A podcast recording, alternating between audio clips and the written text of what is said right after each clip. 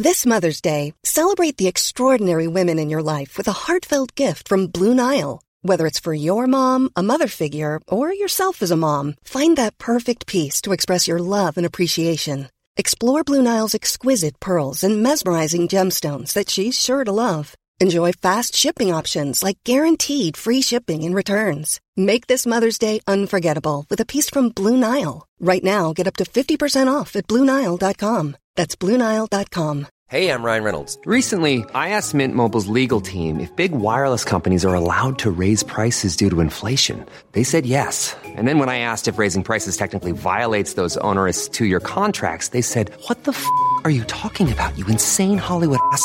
So to recap, we're cutting the price of Mint Unlimited from $30 a month to just $15 a month. Give it a try at mintmobile.com slash switch. $45 upfront for three months plus taxes and fees. Promo for new customers for limited time. Unlimited more than 40 gigabytes per month. Slows. Full terms at mintmobile.com. Hey, it's Ryan Reynolds, and I'm here with Keith, co-star of my upcoming film, If, only in theaters May 17th. Do you want to tell people the big news? All right, I'll do it. Sign up now and you'll get unlimited for $15 a month in six months of Paramount Plus Essential Plan on us. Mintmobile.com slash switch. Upfront payment of $45 equivalent to $15 per month. Unlimited over 40 gigabytes per month. Face lower speeds. Videos at 480p. Active Mint customers by 531.24 get six months of Paramount Plus Essential Plan. Auto renews after six months. Offer ends May 31st, 2024. Separate Paramount Plus registration required. Terms and conditions apply if rated PG.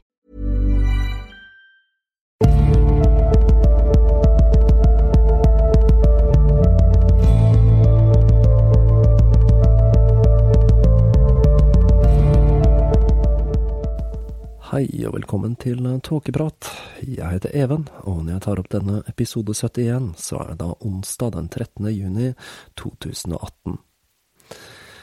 Da er vi altså kommet til sommeravslutningen her i Tåkeprat, og sommeravslutning det er et ord som formelig smaker av fest, bading, øl, grilling, sol og sommer. Men ikke i denne podkasten. Jeg har da bestemt meg for å avslutte denne vårens serie med episoder med et dykk ned i en av de mest brutale historiene jeg har tatt for meg så langt.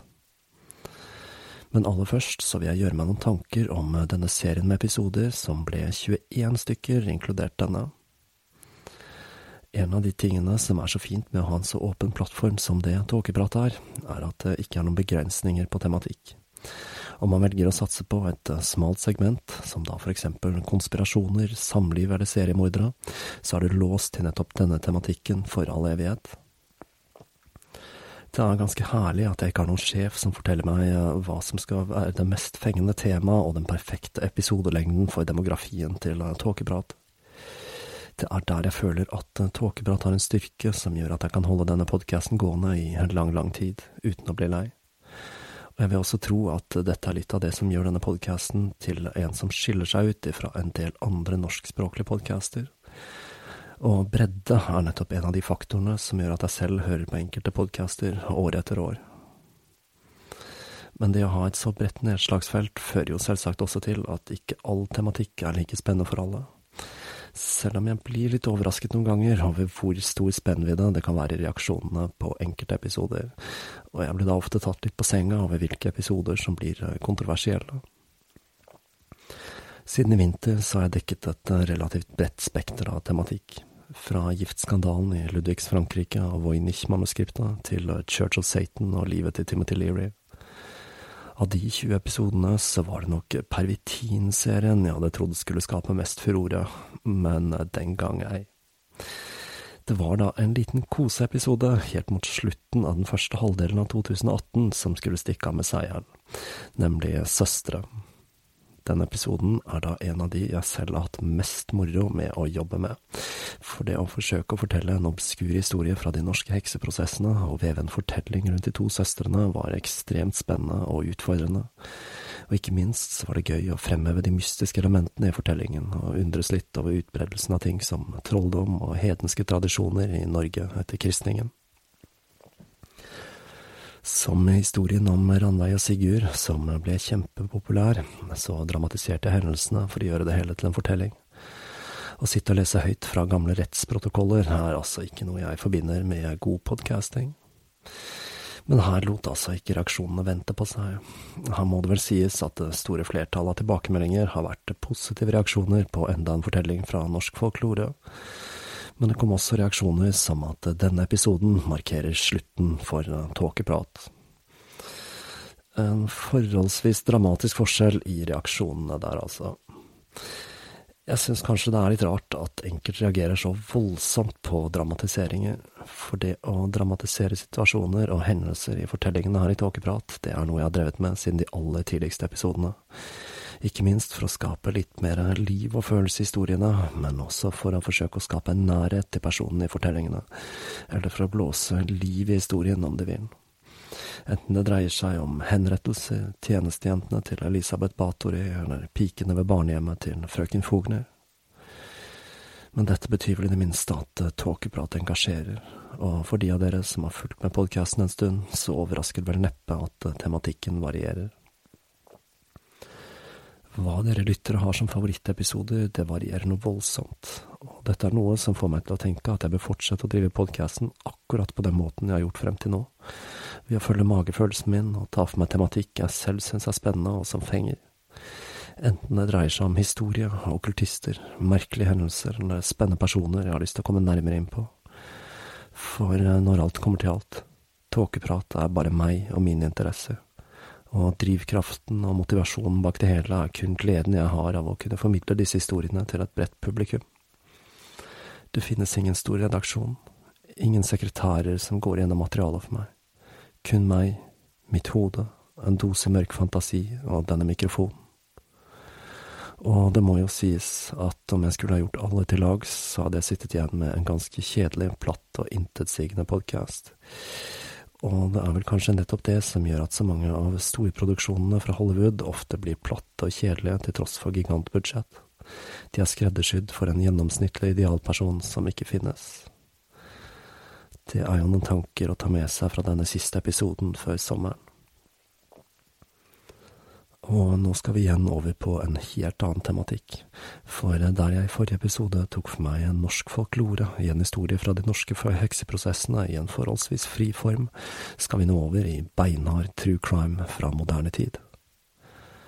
I arbeidet med podcasten så leter jeg gjennom noen av de mørkeste avkrokene i menneskeheten, og i våres så kom jeg over historien om drapet på tenåringsjenta Sylvia Likens.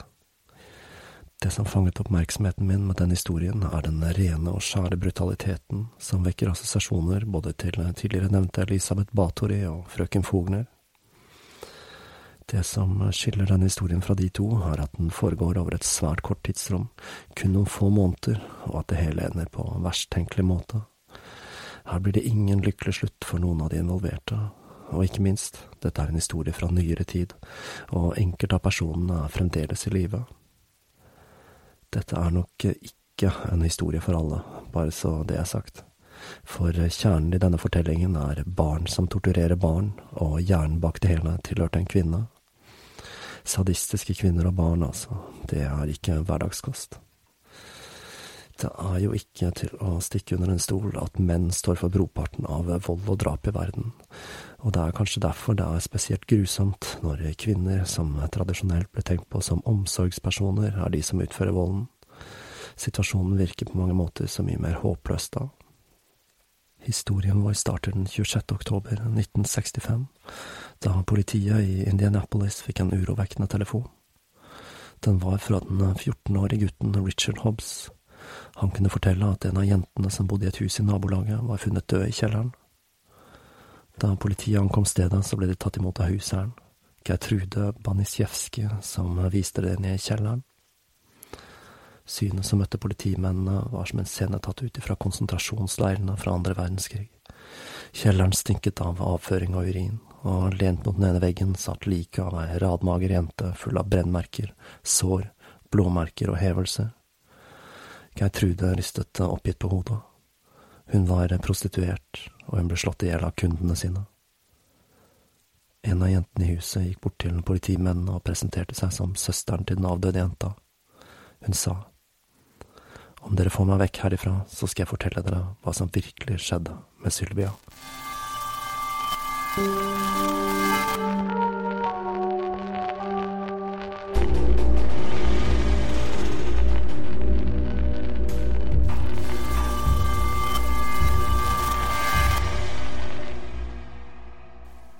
Sylvia Likens var det tredje barnet av totalt fem til Lester Cecil Likens og Elizabeth Frances. Hun var en normal pen 16-åring fra Boone County i Indianapolis. Faren hennes Lester jobbet diverse strøjobber for å tjene til livets opphold, og familielivet var langt fra stabilt. I perioder måtte barna bo hos slektninger mens foreldrene jobbet. I 1965 var foreldrene separert, og Sylvia og søsteren bodde hos moren i denne perioden. Men da moren ble tatt for butikktyveri det året, og da måtte sone en dom, så fikk Sylvia plutselig ansvaret for sin yngre søster Jenny, som var 13. Hun var ei sjenert jente som haltet etter å ha polio som barn. Dette ble litt mye for Sylvia, som hadde tatt kontakt med sin far og bedt om hjelp for å ta seg av lillesøsteren og med det så dro Lester til Indianapolis for å lete etter døtrene. Han fant ut at Sylvia Jenny hadde flyttet inn i 2850 East New York Street, som var et digert hus eid av en dame, Geirtrude Baniesewski. Hun hadde to ekteskap bak seg og bodde i huset med sine sju barn. Søstrene hadde flyttet inn der etter Sylvia hadde blitt kjent med den eldste datteren i huset, Paula på 17. I tillegg til Paula så besto familien av Dennis på 18 måneder, James på 9, Shirley på 10, Marie på 11, John på 12 og Stephanie på 15. I det hele tatt, inntrykket Lester fikk var av en funksjonell storfamilie styrt av matriarken Gertrude Baniesiewski. Da Lester møtte Gertrude, introduserte hun seg som Mrs. Wright, og de to begynte å prate sammen. I løpet av samtalen fortalte Lester at han og kona hadde funnet tilbake sammen, og de hadde planlagt å starte et nytt liv, da ved å jobbe på et omreisende tivoli. Er vi da tilbake til Carnies, som i fortellingen om Anton Lavey. Og dette med tivoli og freakshow er da et fryktelig spennende tema jeg kanskje burde se litt nærmere på, og jeg må si jeg lurer litt på hvordan livet er for de som reiser med tivoli og sirkus i dag, kontra den gang. Men eh, de to foreldrene hadde en utfordring, nemlig døtrene. De kunne da ikke ha med seg disse når de skulle ut for å turnere med tivoliet. Jentene måtte jo gå på skole. Og Lester og Gertrude inngikk en avtale. Hun skulle ta seg av de to jentene for 20 eh, dollar i uken. Og slik ble det. Den første perioden med Gertrude og barna gikk som forventet for søstrene. De gikk på skolen og lekte med de andre barna, i tillegg til da å delta i sosiale aktiviteter som gudstjeneste på søndager. Men tilværelsen i huset skulle snart ha en mørk vending. Da de første 20 dollarene uteble, så ble Geitrude rasende og begynte å skjelle ut de to jentene, og ga de begge en brutal omgang med ris. Uka etter så hadde de to søstrene vært ute og samlet tomflasker så de kunne pante de for å kjøpe godteri. Men da Geitrude oppdaget at de hadde penger, så ble hun igjen rasende. Da Sylvia forsøkte å forklare hvordan de hadde fått tak i pengene, så resulterte dette i en omgang med juling. Tilværelsen i Banistjevskij-familiens hus ble altså sakte, men sikkert mer og mer brutal, og hyppigheten på volden tiltok. Men da Lester kom en tur innom for å se hvordan jentene hadde det, like etter den siste omgangen med pryl, så fortalte ingen av de om hva som hadde skjedd.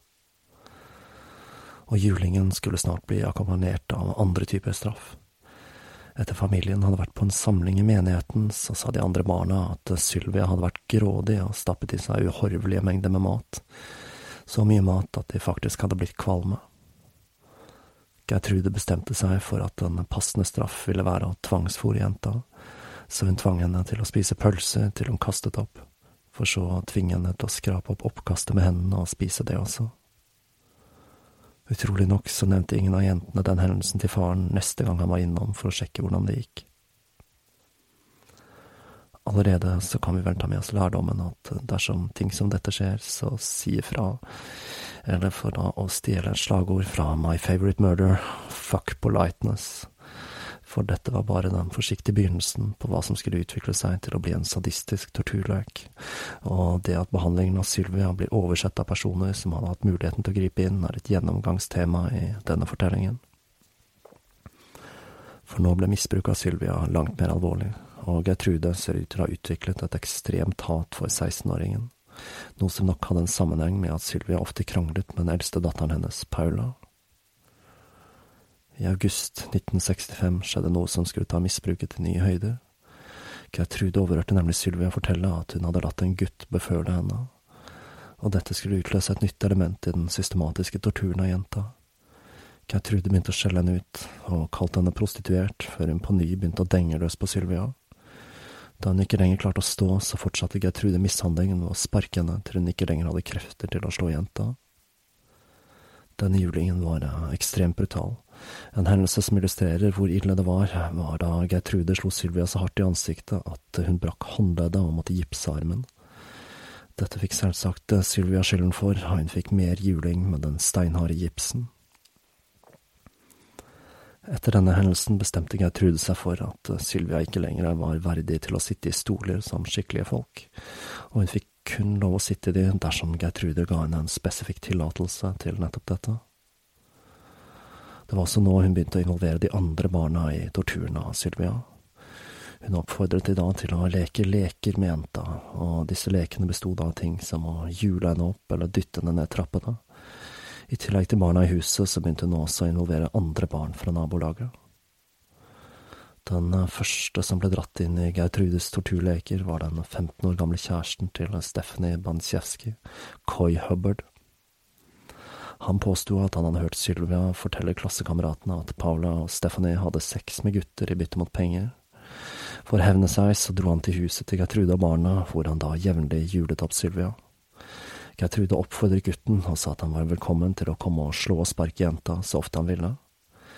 I tillegg så drev gutten med judo, og Sylvia måtte pent finne seg i å bli kastet rundt av Koi, som øvde seg på judoen sin.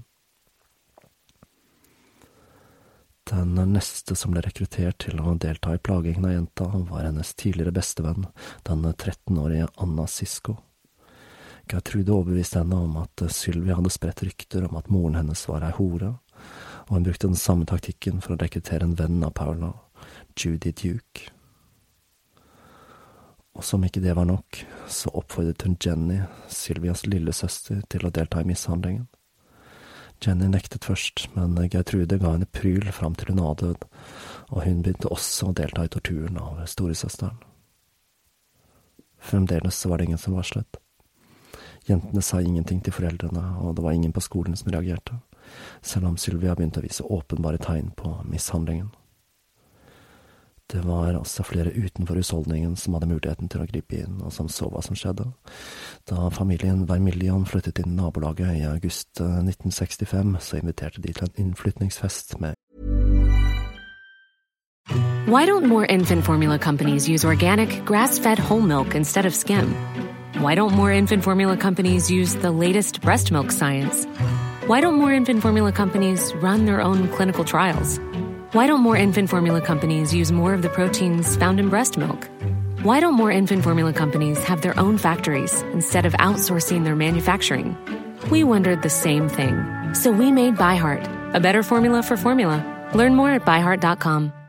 Hey, I'm Ryan Reynolds. Recently, I asked Mint Mobile's legal team if big wireless companies are allowed to raise prices due to inflation. They said yes. And then when I asked if raising prices technically violates those onerous two year contracts, they said, What the f are you talking about, you insane Hollywood ass?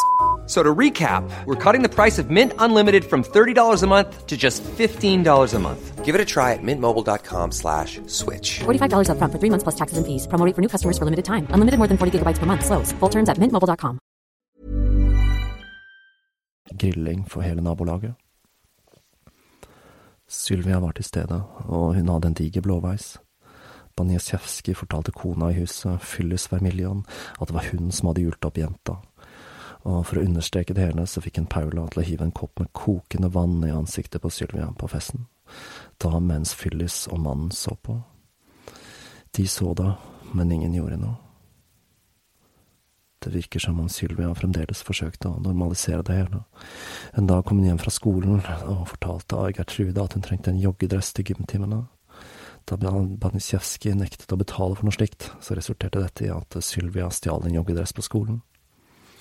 Når Gertrude oppdaget den nye joggedressen, så tvang hun fram en tilståelse fra jenta, noe som da resulterte i en omgang med slag og spark, før hun brente alle fingertuppene hennes med en lighter for å sette en stopper for Sylvias langfingerhet. Bruken av sigarettlighteren inspirerte enda en ny form for tortur i huset. Sylvia ble nå husets askebeger, og alle som røyket ble oppfordret til å stumpe sigarettene sine på jenta. Brennmerker fra sigarettglør begynte å bli et kjennetegn på Sylvia. Et par dager senere så samlet Sylvia igjen flasker hun pantet for å kjøpe godteri, og igjen så oppdaget Gertrude pengene. Denne gangen så beskyldte hun jenta for å ha prostituert seg og som straff så ble hun tvunget til å kle seg naken og onanere med en tom brusflaske foran sønnene hennes og flere gutter i nabolaget. Dette førte til at eh, jenta fikk skader i underlivet, og hun begynte å vete senga. Dette gjorde Geirtrude rasende. Hun skjelte ut jenta og sa at hun ikke lenger var egnet til å leve blant ordinære mennesker, og med det så ble hun sperret inne i kjelleren. Der i kjelleren hadde hun ikke tilgang på toalett og hun så seg nødt til å gjøre fra seg på gulvet, noe som førte til en ny tirade med utskjelling fra Gertrude, som skjelte henne ut for å være ei skitten jente som ikke var stort bedre enn et dyr. For å bøte på dette og vaske henne ren, så bandt hun håndledd og ankler på jenta og dyppet henne i et kar med skoldende varmt vann, så huden hennes ble forbrent. Når da Gertrude anså henne for å ha blitt tilstrekkelig ren, så gned hun salt inn i den såre og forbrente huden.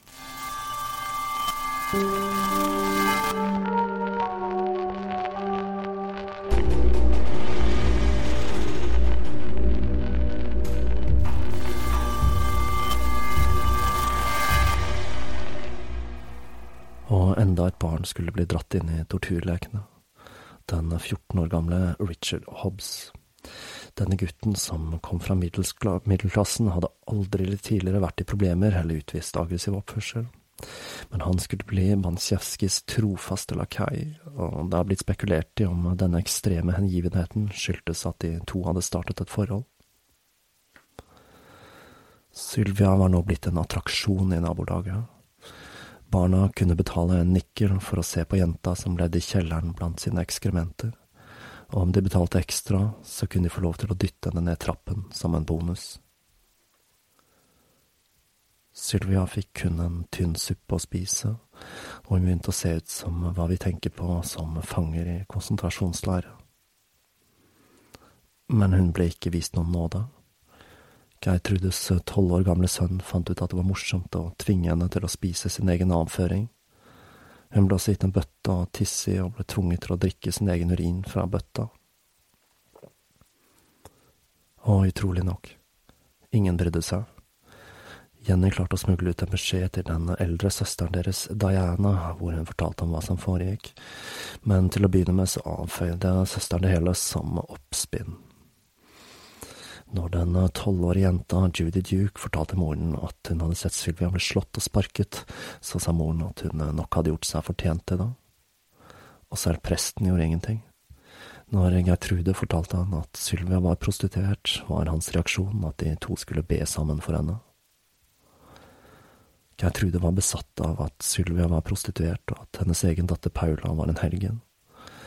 Det som er ironisk her, er at Paula var gravid, men til tross for at tilstanden hennes ble mer og mer åpenbar, så hevdet hun hardnakket at Paula var jomfru.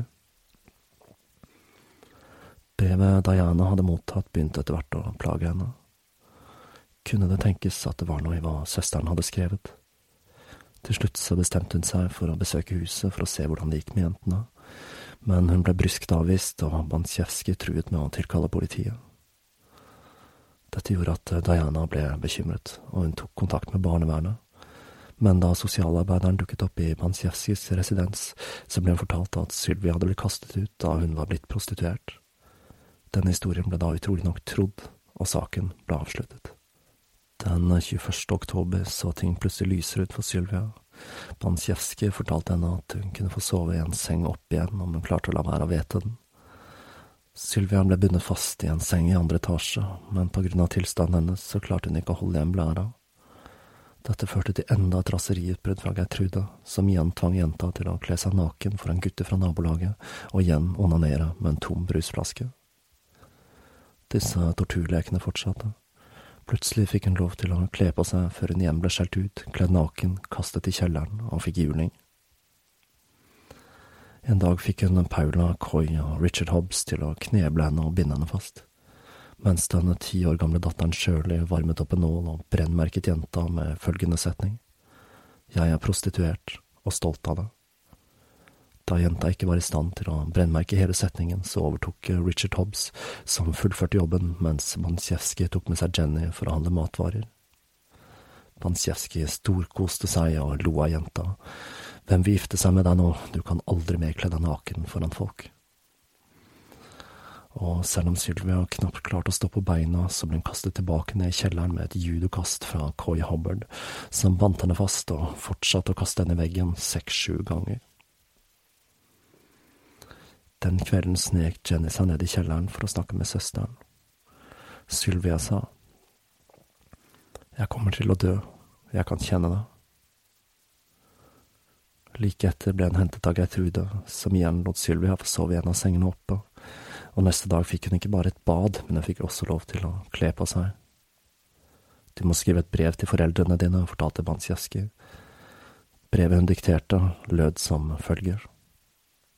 Kjære Mr. og Mrs. Likens.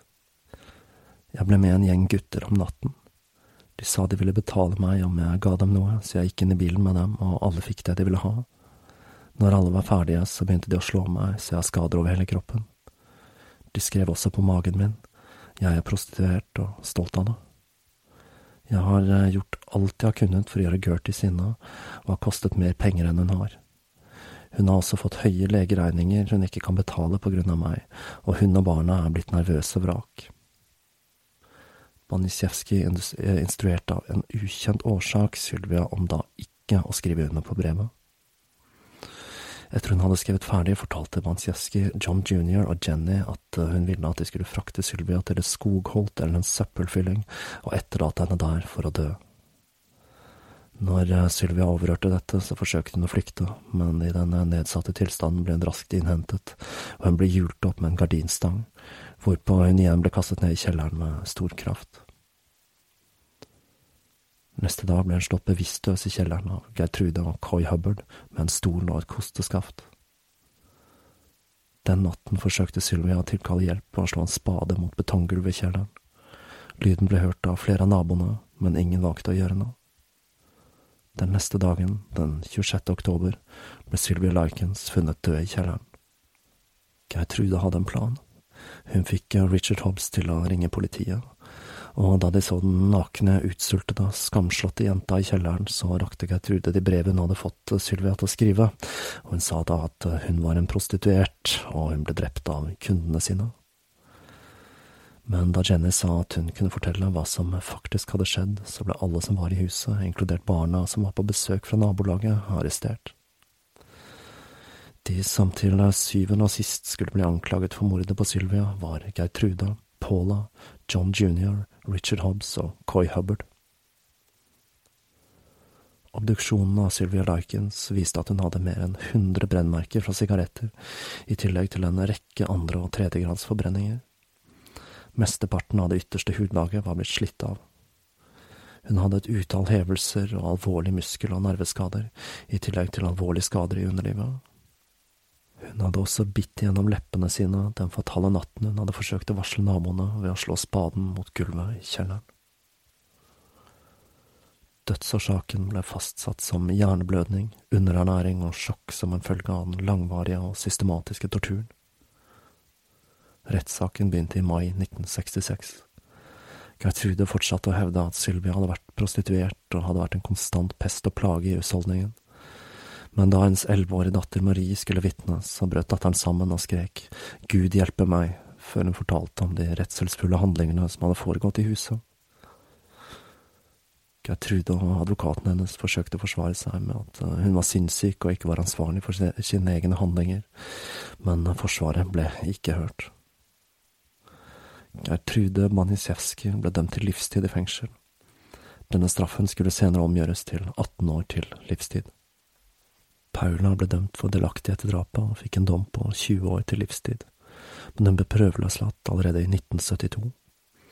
Hun endret da navn og stiftet familie.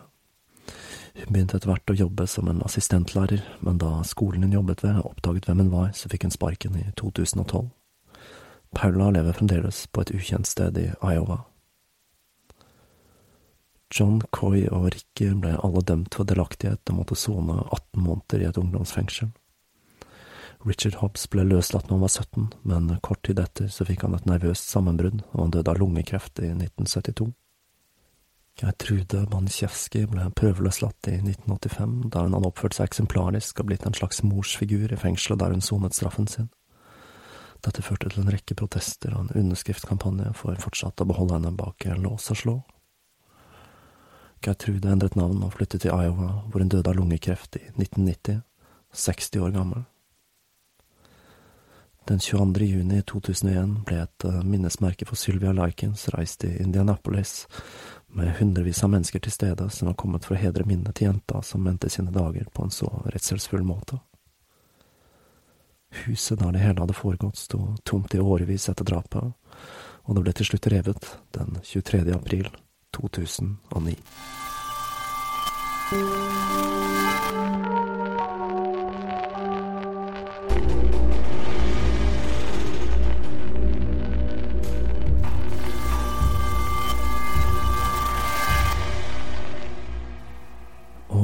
det var den grusomme sommeravslutningen her i Tåkeprat.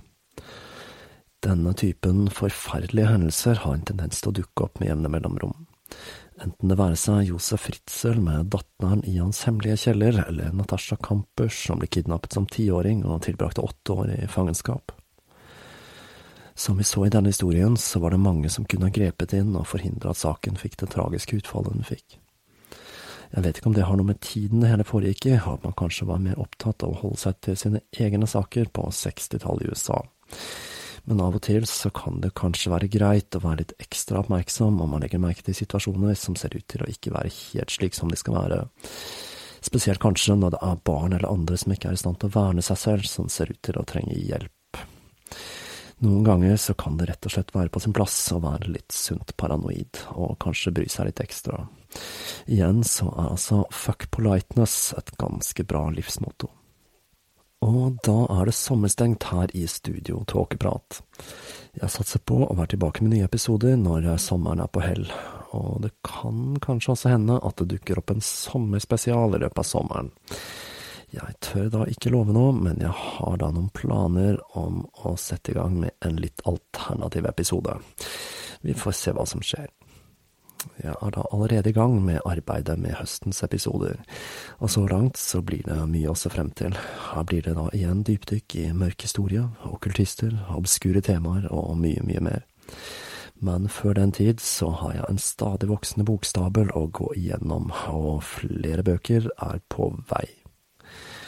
Så jeg vil takke dere alle for følget så langt i år. Til tross for at jeg åpnet denne episoden med litt undring over kontroverset over siste episode, som jeg nok har tatt litt ut av proporsjon, da tåkeprat tross alt er hjertebarnet mitt, så må jeg si at det er en glede å ha en så fin gruppe med engasjerte mennesker som lyttere. Jeg håper at det å ha tatt del i fortellingene i podkasten så langt i år. Har vært like givende for dere som det har vært for meg, og at jeg kanskje har lyktes i å fortelle dere et par historier som kanskje har utvidet virkelighetstunnelene deres ørlite grann, og at denne podkasten har klart å bringe dere noen lyspunkter i hverdagen. Jeg setter også stor pris på alle tips og konstruktive tilbakemeldinger, og jeg kan vel røpe at jeg har fått noen tips om noen spennende tema jeg nok kommer til å ta for meg her i Tåkeprat ved en senere anledning. Så da er tiden inne for den lange, motvillige, men nødvendige pausen. Eller rettere sagt, for meg så fortsetter arbeidet med tåkeprat, men for dere så blir det en sommer uten podkasten. Så dere får ta dette som en øvelse i tålmodighet. Tåkeprat er tilbake før dere aner ordet av det, og jeg kommer da til å legge ut datoen for oppstart i sosiale medier når tiden nærmer seg. Frem til oppstart av nye episoder, så vil jeg da igjen oppfordre til å følge Tåkeprat på sosiale medier, rate i iTunes, tips en venn eller bli en patrion. Linker og info finner dere som vanlig på tåkeprat.com. God sommer.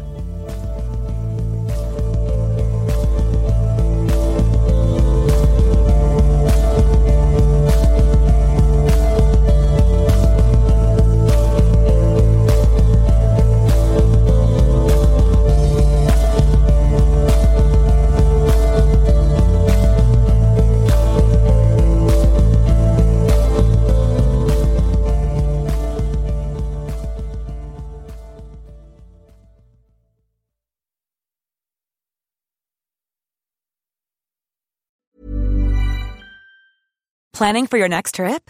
Elevate your travel style with Quince. Quince has all the jet setting essentials you'll want for your next getaway, like European linen, premium luggage options, buttery soft Italian leather bags, and so much more.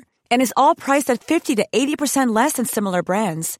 Plus, Quince only works with factories that use safe and ethical manufacturing practices. Pack your bags with high-quality essentials you'll be wearing for vacations to come with Quince. Go to quince.com slash pack for free shipping and 365-day returns. Hey, it's Paige DeSorbo from Giggly Squad. High quality fashion without the price tag. Say hello to Quince. I'm snagging high-end essentials like cozy cashmere sweaters, sleek leather jackets, fine jewelry, and so much more. With Quince being 50 to 80% less than similar brands. And they partner with factories that prioritize safe, ethical, and responsible manufacturing. I love that. Luxury quality within reach. Go to quince.com slash style to get free shipping and 365 day returns on your next order. Quince.com slash style.